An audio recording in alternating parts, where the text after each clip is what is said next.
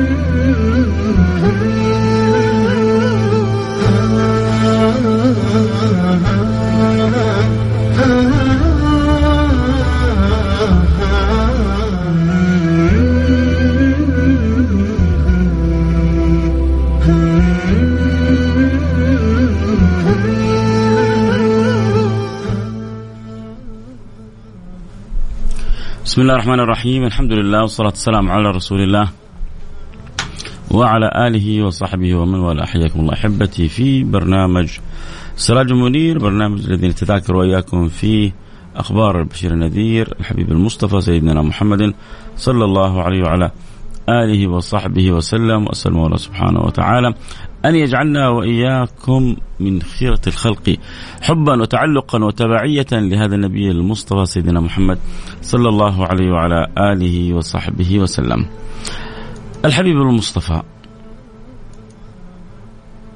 هذا النبي المصطفى الذي أرسله المولى سبحانه وتعالى لنا وما عرفنا حقيقته ولا عرفنا شيء من حقيقته لكن نتعرف ونحاول عبر حياتنا كلها أن نتعرف أكثر وأكثر على هذا النبي المصطفى. أن يكون لنا نصيب من الصلة من هذا النبي المصطفى. أن يكون لنا حب في قلوبنا. سيدنا عمر كان يمشي مع سيدنا رسول الله وقال يا رسول الله إني أحبك أكثر من كل شيء إلا من نفسي. فقال لا يا عمر. لا يا عمر. ما اكتمل إيمانك يا عمر؟ إذا لسه في محاب عندك.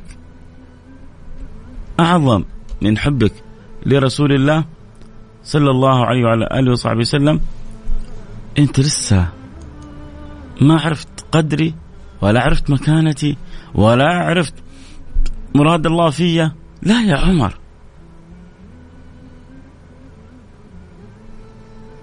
فقال يا رسول الله وأكثر من نفسي.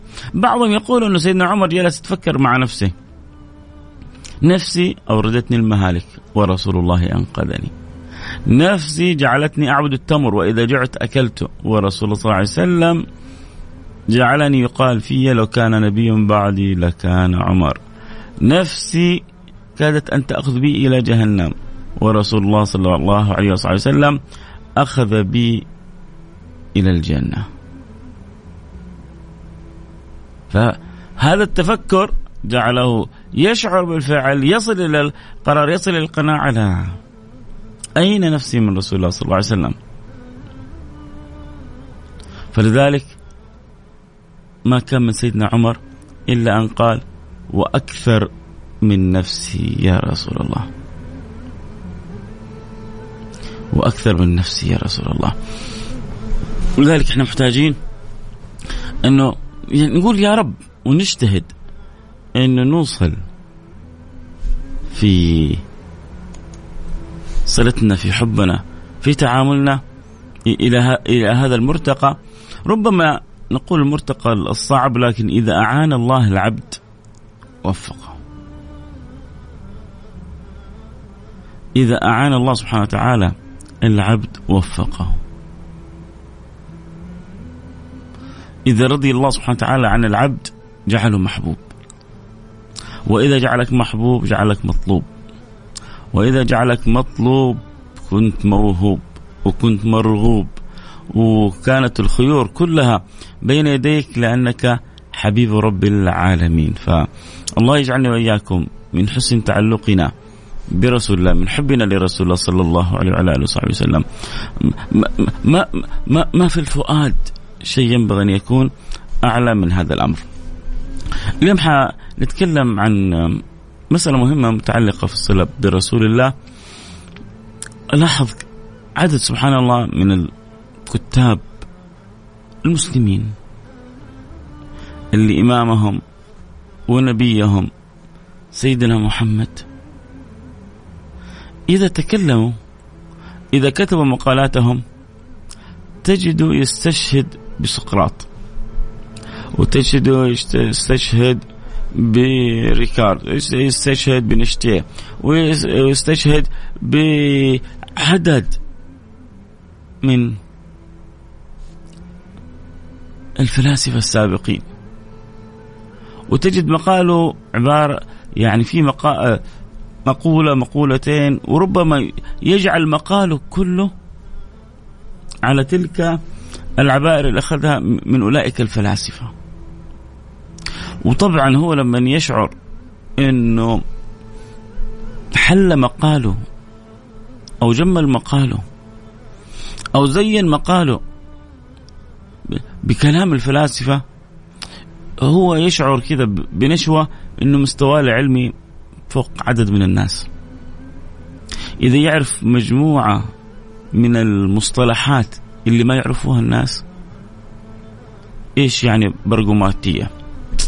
أوه أنا أعرف إيش يعني البرغماتية الأيديولوجية إيش يعني الأيديولوجية؟ إيش يعني كذا إيش يعني كذا؟ فيعرف مجموعة من المصطلحات. طيب ممتاز. ويحفظ مجموعة من أقوال الفلاسفة. طيب ممتاز. يزين بها مقاله. يتكلم فيها بشيء من الشعور بال الاعتلاء على غيره إنه هو أفهم من غيره وأكثر ثقافة من غيره تتأمل في المقال كله. تبغى شيء من كلام النبي ما تحصل. شيء من عبارات الحبيب صلى الله عليه وسلم ما تحصلها. عجيب.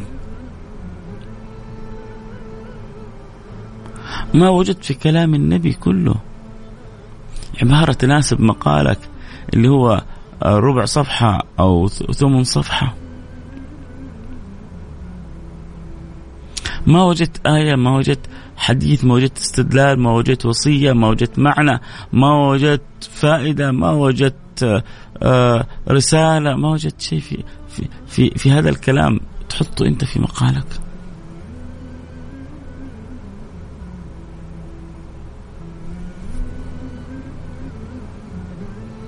كلام النبي صلى الله عليه وعلى آله وصحبه وسلم.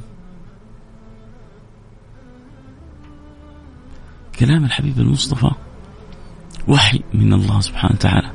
وما ينطق عن الهوى إن هو إلا وحي يوحى. الكلام اللي بتجيبه أنت من من من عدد من الفلاسفة ما أقول إنه خطأ. ولكن ما أجزم كذلك بصحته.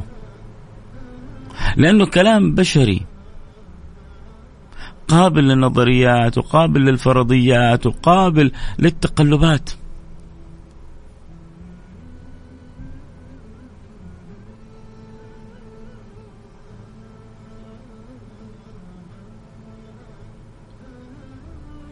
لكن لما توصل عندي القناعة بعدد من من الفلاسفة إلا أنه كلامهم أكثر صدق وأنا بقولها وتشوف في كتابات البعض تشعر بهذه الرائحة.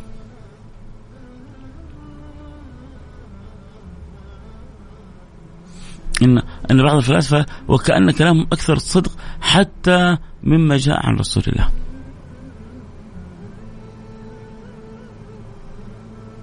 هنا مسكين. هذا الرجل مسكين. ما ما ما عرف عظمة ما هو فيه. ما عرف جمال كونه مسلم ما عرف لذة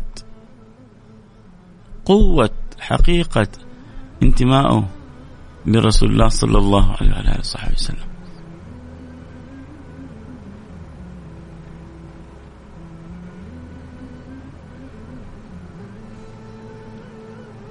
يحفظ أقوال لفلاسفة يسقطها.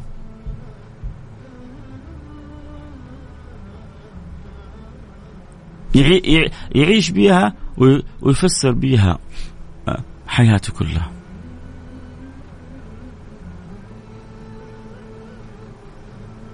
يعيش زي واحد كاتب قبل فترة يكتب القوة هي الحق يعيش بالفكرة هذه ليه؟ لأن الفيلسوف اللي هو يحبه قال أن القوة هي الحق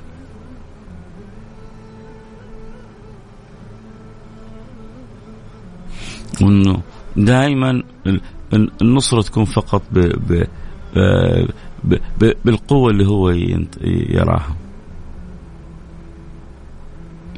ما يعرف إنه في أشياء معينة قد تخبى فيها القوة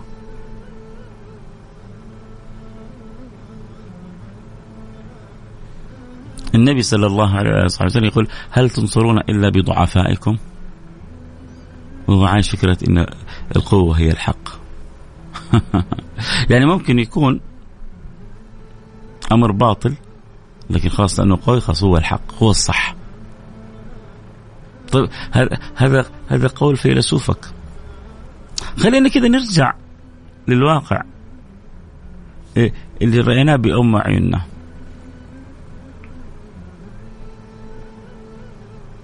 النبي في صوره في في في حياته الصور اللي كان يعيشها فيها مظاهر البساطة القلة عدم وجود القوة.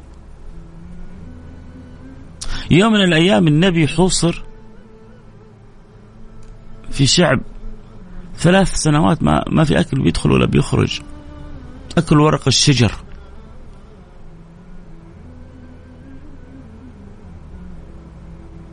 وكانت القوة مع غيرهم.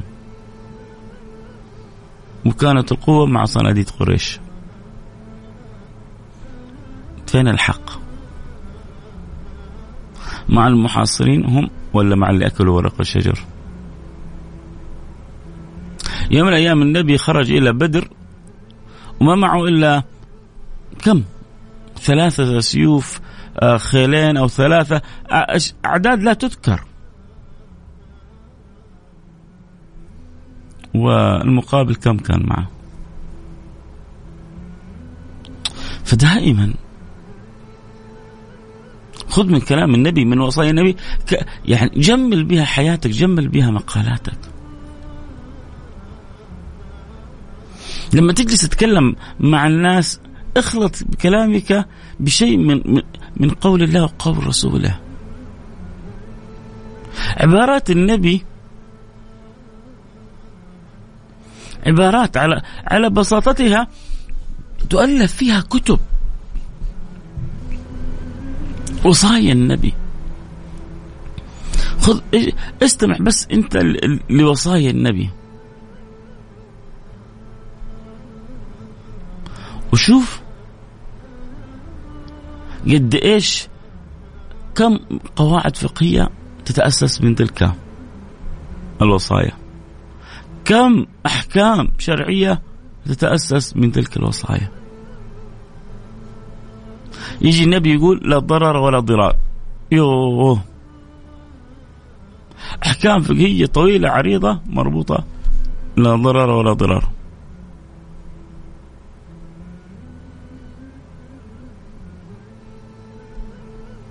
ليه؟ لأن النبي أوتي جوامع الكلم.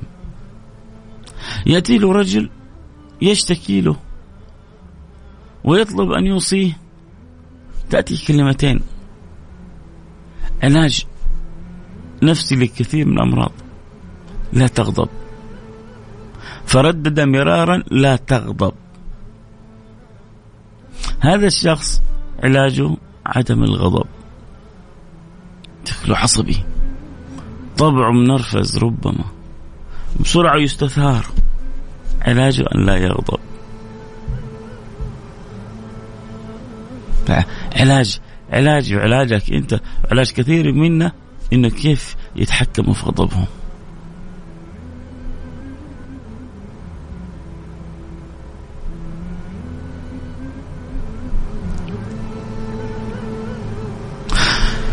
الله لما يجي الواحد وتمر على أيامه وما هو ما هو مش عارف لا في كلامه ولا في احاديثه وهو مثقف أو هو دكتور أو هو بروفيسور. نتكلم عن عن دكتور أو بروفيسور مسلم. تربى في في بيت أبوه الطيب تربى في بيت أمه الفاضلة. وينشأ ويتعلم. وعشان أخذ ماجستير في البلد الفلانية ودكتوراه في المكان الفلاني يصير ما عنده قدرة على أن يستشهد على أن يجد في كلام رسول الله عبارة من العبارات اللي يستطيع أن يمتلئ بها كما يمتلئ آه، بعضنا بعبارات عدد من الفلاسفة.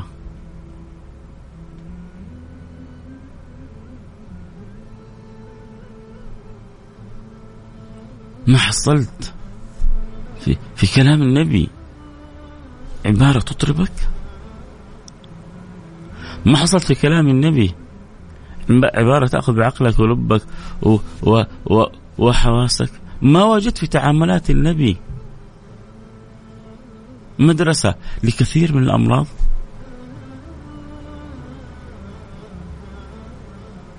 موقف النبي بس مع اللي جاء يستأذن النبي في الزنا هذا هذا يدرس.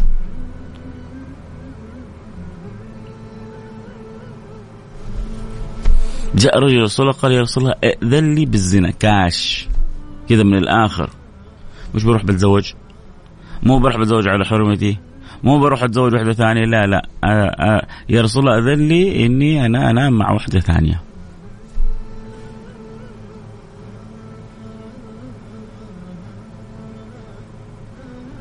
يا لطيف كيف؟ يعني بعدين إيش إيش الجراءة؟ أنا أبغاك بس أنت تخيل العبارة هذه لو جاء أنت لو جاك ولدك أنت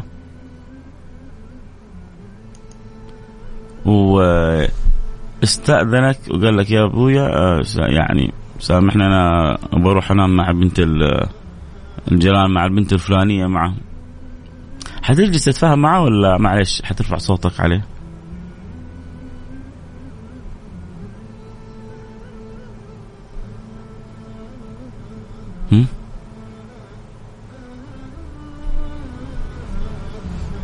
إيش حيكون حالك؟ النبي صلى الله عليه وعلى آله وصحبه وسلم ما كان منه إلا أن قالوا أترضاه لأمك؟ النبي وجد إنه هذا عنده مشكلة وهذا اللي عنده مشكلة ينبغي أن تعالج هذا اللي عنده مشكلة ينبغي أن يتعامل مع تعامل مختلف، إحنا أحيانا بننسى انه الناس يحتاجوا إلى اختلاف التعاملات. أصابع اليد ما هي سوا، وعقول الناس ما هي سوا، وقلوب الناس ما هي سوا، وأفكار الناس ما هي سوا، فأنت لازم أن تستوي في فهمك. تفهم الشيء هذا. النبي شاف إنه هذا يصل إلى مرحلة من الجراءة إلى أن يكلم رسول الله ويطلب منه الإذن بالزنا معناه ان الموضوع عنده واصل إلى مرحلة متقدمة في في في الشهوة الجنسية في الرغبة. ما ما قالها إلا هو يعيش صراحة. ما قالها إلا وهو يعيش معناها في داخله. بين بين الحق والباطل بين الخير والشر. العاقل كيف يفهم ما أقول له يا قليل الادب يلي ما تستحي ومسوي نفسك آه خير وانت ابن فلان أبوك أصلا ما رباك انت أصلا قليل الادب انت أصلا ما تربيت انت أصلا ما, آه ما حد ادبك مزبوط جاي تقول لي أبغى أروح ازني في بنت فلان ولا بنت علان إيش الوسخ هذا إيش امسح بالبلاط ما عالجت المشكلة اللي عنده. ولا أخذته بحناني. وربما يروح يوقع في الأمر لأنه حتغلبه نفس السوء. النفس الأمارة بالسوء. وأنا كنت سبب إني قويت النفس الأمارة بالسوء في داخله. طبعا اذكر كل اللي يحب يستمع الحلقة صوت وصورة يستطيع ينضموا على الانستغرام لايف @فيصل كافي يقدروا يتابعوا الحلقة على الإنستغرام live @فيصل كافي يوجد البث المرئي للي تحبوا تتابعوا الحلقة صوت وصورة فالشاهد إنه النبي صلى الله عليه وسلم نظر لهذا. نظرة إنسان عنده معاناة. هذه المعاناة تحتاج إلى علاج. هذا العلاج يحتاج أن يكون عقلي وقلبي. فلا اكتفى النبي بالعلاج العقلي فقط ولا اكتفى بالعلاج القلبي فقط. عالجوا من الجانبين عقل عقليا وقلبيا. عقليا جلس يأخذ معه في حوار حتى يصل هو إلى قناعة إنه ما ما ينبغي أن يكون مني هذا الخلق وهذا التصرف.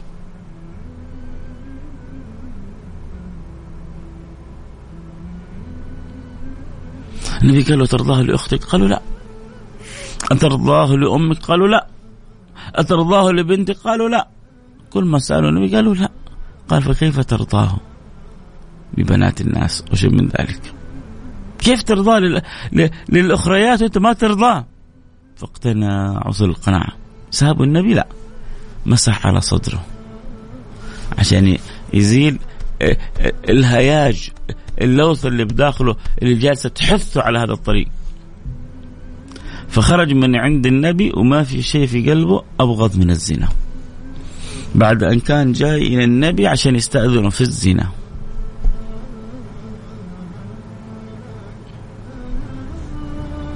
يعرفوا ياخذوا هذه القصص وينتجوا منها آلاف من المقالات.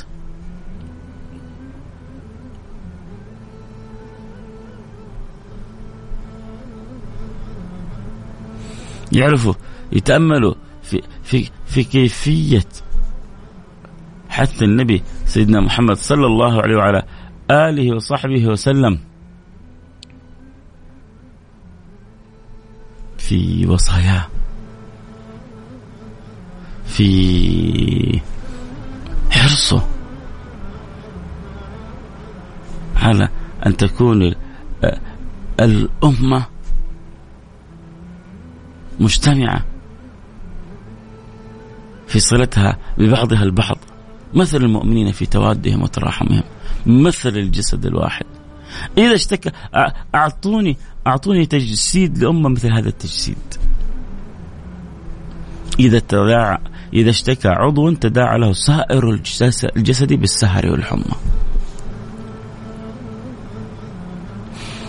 مثل المؤمنين في توادهم وترحمهم مثل الجسد الواحد. إيش إيش إيش التوصيف العجيب هذا؟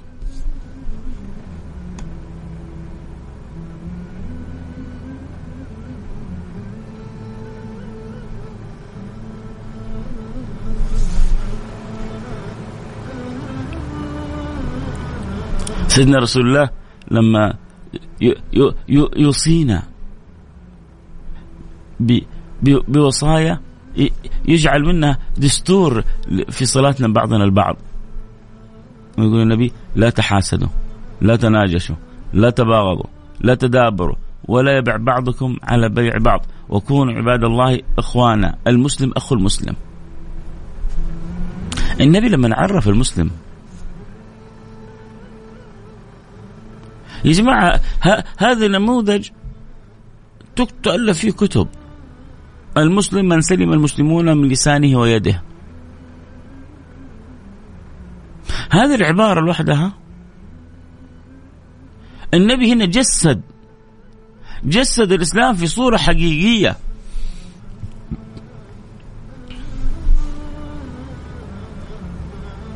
لكن عدد من يتاثروا بالثقافات الأخرى أمضوا اوقات واعمار في قراءة كتب أولئك. ومو عيب الإنسان يقرأ ويتعلم ويشوف. بس العيب إن يكون عندك الكنز. المطمطم الكنز الكبير. وما لك صلة به بعض الذين قرأوا لربما عشرات أو أقول مئات عشرات كتب. عشرات الكتب. لبعض الفلاسفة يمكن ما قرأ كتاب واحد كامل. في أحاديث النبي. يمكن رياض الصالحين هذا ما قد في حياته مر عليه. من أجمل كتب رياض الصالحين الإمام النووي.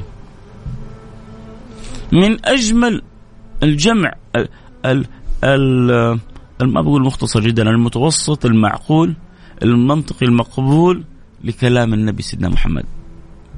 في في أهم الأبواب اللي نحتاجها في حياتنا الاجتماعية.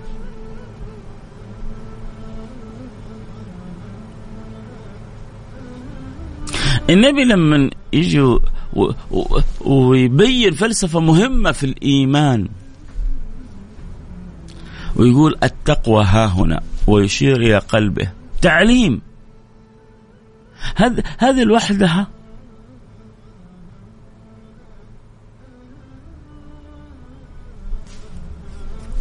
هذه لوحدها فيها من التعليم. وتعليم إيش هنا؟ أول حاجة تعليم حسن الظن.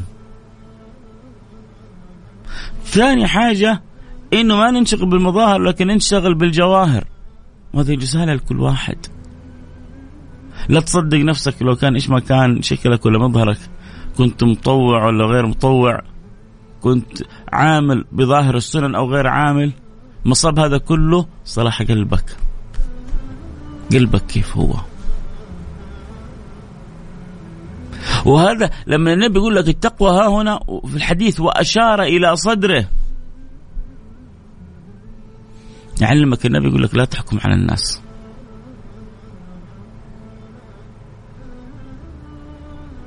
لا تحكم على الناس. تلك آه، المرأة اللي نسأل الله السلامة والعافية زنت ورجعت وبعدين طلبت من النبي ينفذ فيها الحكم. أن هي جاءت اعترفت بنفسها. والنبي أراد أن يصرفها أكثر من مرة لكن هي مصرة. لما تكلم في أحد الصحابة قال له النبي مباشرة لقد تابت توبة لو قسمت على أهل الأرض لكفتهم لو وزعت على أهل الأرض لكفتهم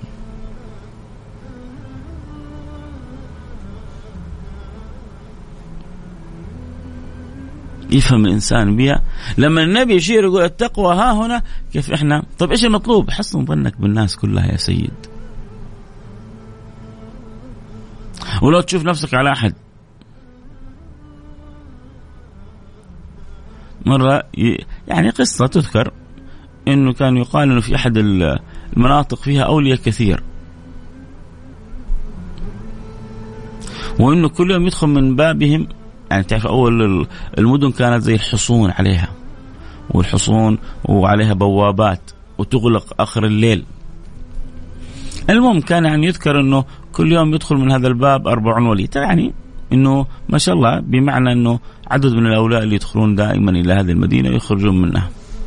فقال واحد لا مو معقول أنا بجلس بكرة عند المدخل عند السدة عند البوابة وأعد كم ولي تقريبا يدخل فيها. فكل ما شاف واحد في ملامح الولاية وضع حصاه كل ما شاف واحد في كذا مظهر العلم وضع حصاه فمر عبد أسمر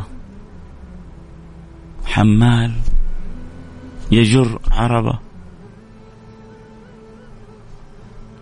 وأراد أن يدخل من ذلك الباب. هذا اللي جالس يحسب عدد الأولياء ولا طل فيه ولا طالع فيه. فالتفت العبد الأسمر هذا إلى هذا الرجل وقال له يا هذا قال له نعم قال له ضع لي حصاه. قال له ضع لي حصى أنت جالس تعد الأولياء؟ احسبني واحد منهم. هذا الرجل انصدم.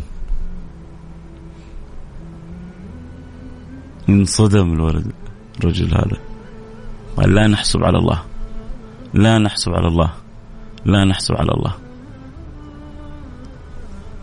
أنت بتحسب فضل الله أو أنت بتستطيع تقيم اختيارات الله.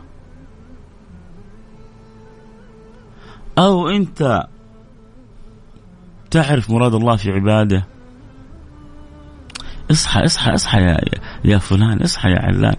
طيب إيش أسوي؟ حسن ظنك يا أخي والله تكسب. وسع مشهدك في الناس كلها تكسب.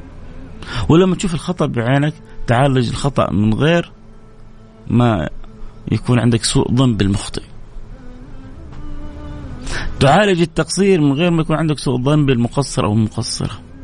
عشان ترتاح. عشان تصفي قلبك. ما أنا بقول لكم يا جماعة شوف عبارة بسيطة هذه العبارة أنا أعتبرها مدرسة كاملة أخلاقية سلوكية في تعاملنا مع بعضنا البعض. إيش هي؟ حديث عن النبي صلى الله عليه وسلم التقوى ها هنا خلص الكلام. والصحابي زاد يعني يبغى يوصف لنا الحالة قال وأشار إلى صدره وكأنه الصحابي يبغى يأكد المعلومة. عشان ما يجي واحد يتفلسف بعدين نقول أيوه التقوى ها هنا في الشكل في الصورة في الهيئة في التصرف في طريقة التع... الكلام. لا لا لا لا لا, لا. وأشار إلى صدره. خلص الكلام قفل الكلام الصحابي هذا. التقوى ها هنا.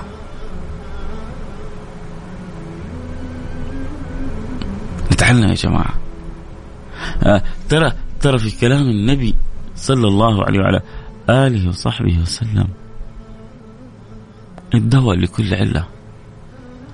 الشفاء من كل مرض. الراحة من كل تعب الفائدة. لكل من يبحث عن فائدة. جالس دورها عند ريكارد وعند سقراط وعند وعند وعند. وسايب. أجمل الكلام. الكلام الحق اللي ما في باطل. الكلام الحق اللي ما يتغير مع تغير السنون والأزمان ولا آه إيش ما كان.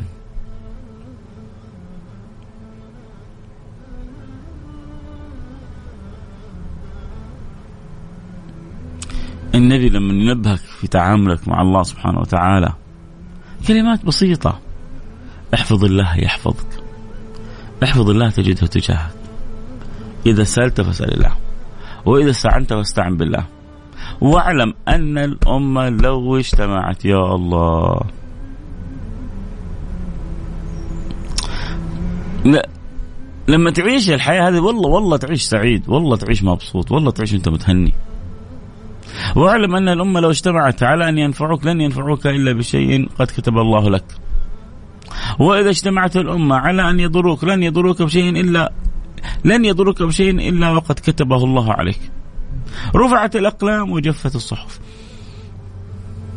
ما يقدروا ينفعونك ولا يقدروا يضرونك إلا بأمر الله وبإذن الله.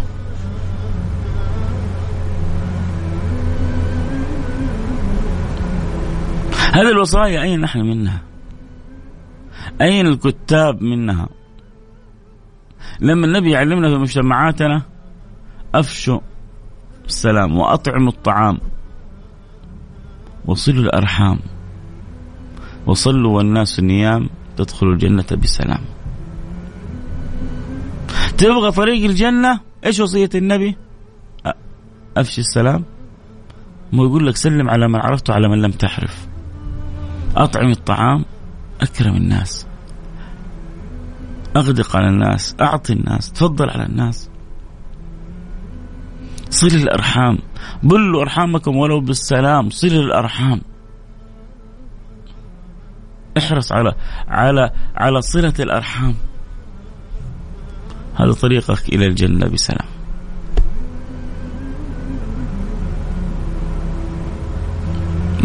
يعني لو نجلس إلى بكرة نعدد كذا في وصايا. النبي في كلام النبي في, في رسائل النبي لما النبي يقول لك كن في الدنيا كأنك غريب أو عابر سبيل. عبارة؟ لو أدركها كثير من الناس لارتاحوا ناس تعبانة في الدنيا. الناس مجعة. الناس عندها معاناة. النبي بيرشدهم إلى إلى الخلاصة بيعطيهم الزبدة من الآخر. كن في الدنيا كأنك غريب. وعابر السبيل. عشان كذا النبي لما نام على الحصير كان مرتاح مش فارقة معاه. هو معتبر الدنيا هذه مش بيته. في ناس عايشين الدنيا بيتهم فكل شغلهم هذه الدنيا. ودخل جنته وهو ظالم لنفسه.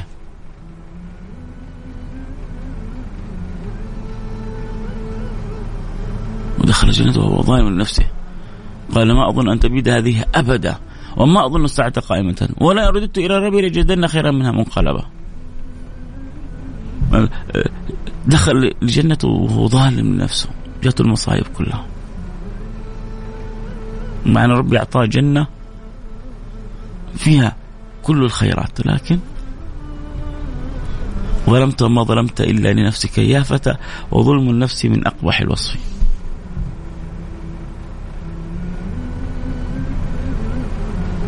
المؤمن القوي خير أحب إلى الله من المؤمن الضعيف وصية من وصايا النبي.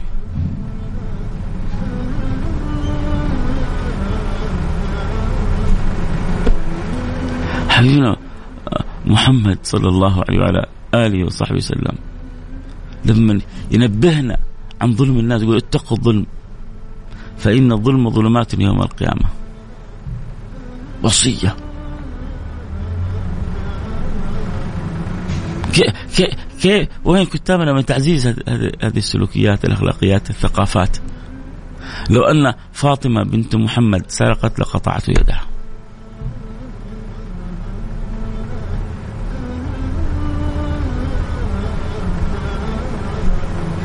عالمنا المسلم يمكن أكثر حتى من عوالم أخرى صار صار عندنا الواحد إذا صار في منصب أو مسؤول المال اللي تحته كأنه حلال وحلال أولاده.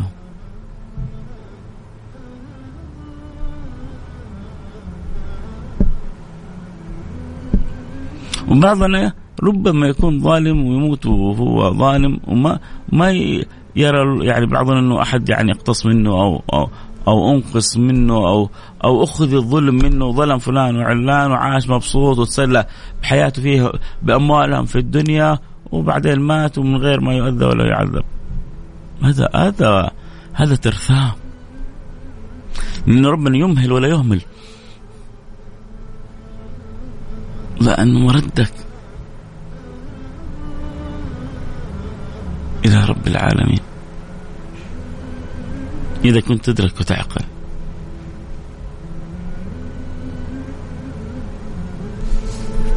الشاهد يعني وصايا النبي صعب أن تحصر صعب أن يعني آه، أن تذكر في حلقة ولا حتى في برنامج لكن الرسالة اللي أبغى أقولها يا جماعة اجعلوا أنفسكم قريبين من وصايا رسول الله من حكم رسول الله من كلام رسول الله من أنوار رسول الله من حب رسول الله من صلتكم برسول الله.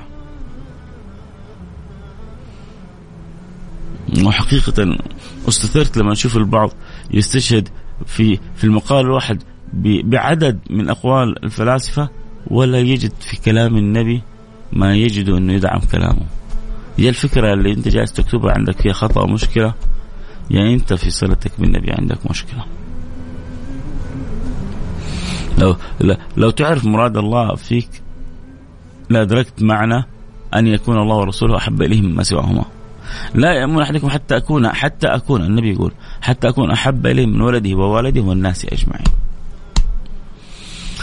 الله يرضى عني وعنكم. يا رب تكون إن شاء الله كذا يعني سويعة فيها رسالة لنا جميعا. آه، مفاد الكلام. كونوا قريبين من كلام النبي اقرأوا وصايا النبي. تأملوا في في في عظمة كلام النبي كيف هذا الوحي المكرمين به على لسان رسول الله. فين نصيبنا منه؟ فين رعايتنا واهتمامنا به؟ فين أخذنا وتلقينا. أسئلة كثيرة. إن شاء الله توصل رسائل من خلال هذه الحلقة.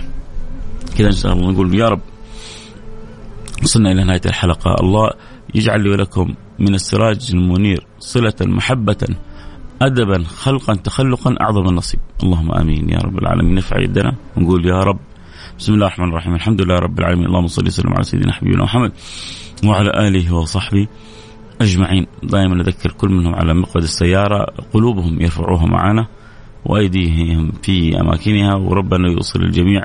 سالم غانم. اللهم آمين يا رب العالمين. اللهم أسألك يا واحد الأحد. يا فرد يا صمد يا حي يا قيوم. يا رحمن يا رحيم. يا من لا تخيب من دعاك ولا ترده من رجاك اسالك أن ترضى عنا وأن تصلح لنا حالنا وأن تقبلنا على ما فينا وأن تتوب علينا توبة نصوح تطهرنا بها قلبا وجسما وروحا. وان ترحمنا برحمتك الواسعة. إنك أرحم الراحمين. إلهي سيدي سندي مولاي ليس لي غيرك فخذ بيدي وانظر إلي. واصلح لنا شؤوننا كلها يا رب العالمين. وارحمنا برحمتك الواسعة. إنك أرحم الراحمين. إنك أرحم الراحمين. إنك أرحم الراحمين، اللهم من يسمعني في هذه الساعة. أسألك أن تنزل على قلوبهم الطمأنينة، أن تنزل على قلوبهم السكينة، أن تنزل على قلوبهم الراحة، أن تقضي لهم الحوائج، أن ترضى عنهم، أن تحبهم، أن تدخلنا وإياهم في دوائر الرضا، دوائر العطاء، دوائر القرب، منك ومن الحبيب المصطفى سيدنا محمد صلى الله عليه وعلى آله وصحبه وسلم، اللهم أسألك يا رب العالمين من أوصاني من أحبتي بالدعاء وسائر المسلمين أن تنور قلوبنا وقوالبنا، أن تشفينا وأن تعافينا، أن تيسر أمورنا وتقضي ديوننا وتقبلنا على ما فينا وأن ترحمنا برحمتك الواسعة. إنك أرحم الراحمين، اللهم أسألك يا رب العالمين أن تحفظ لنا مملكتنا الغالية وتحفظ لنا الحرمين الشريفين. من كل سوء ومن كل مكروه.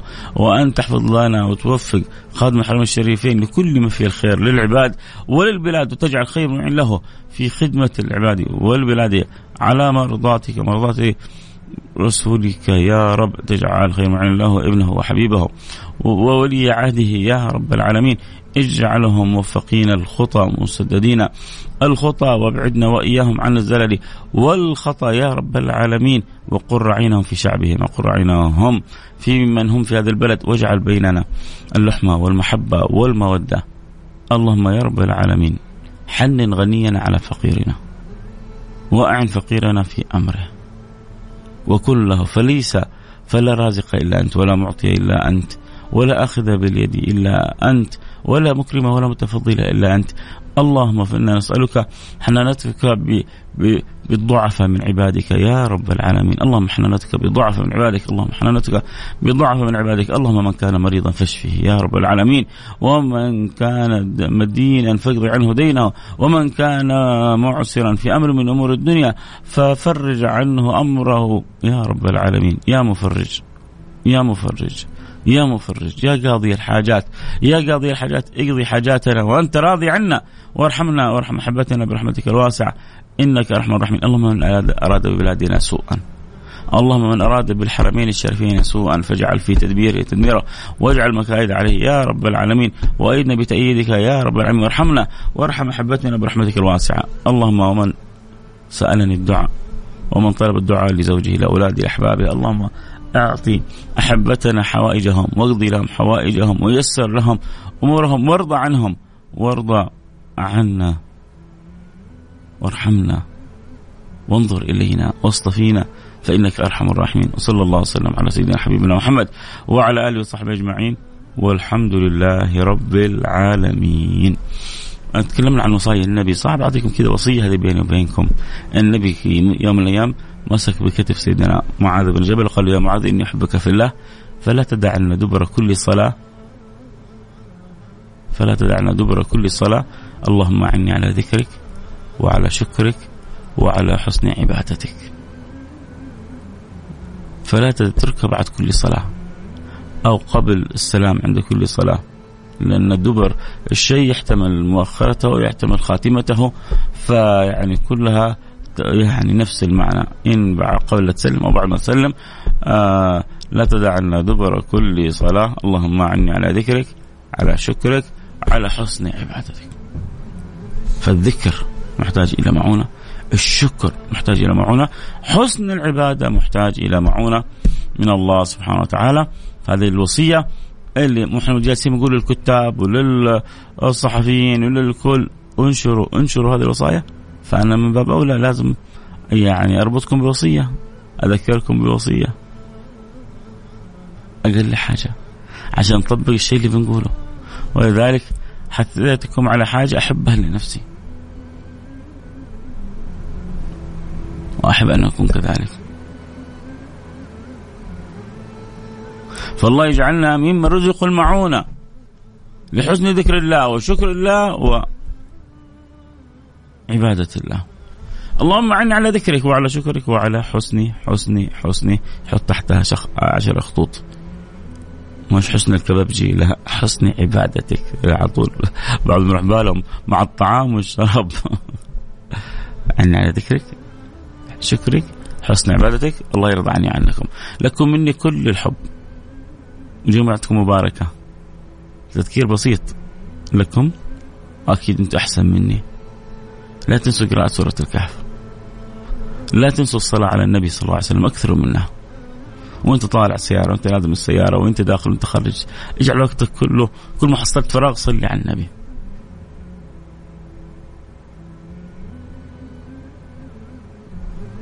من صلاتك على رسول الله قراءتك للكهف دعاء الدعاء لأنه في ساعة يعني من الآن إلى المغرب في ساعة يستجيب الله فيها الدعاء، إيش اللي في بالك؟ ادعو الله كل شوية ادعو الله سبحانه وتعالى عشان ربنا يستجيب لك اللي في بالك وتنقضي حاجتك.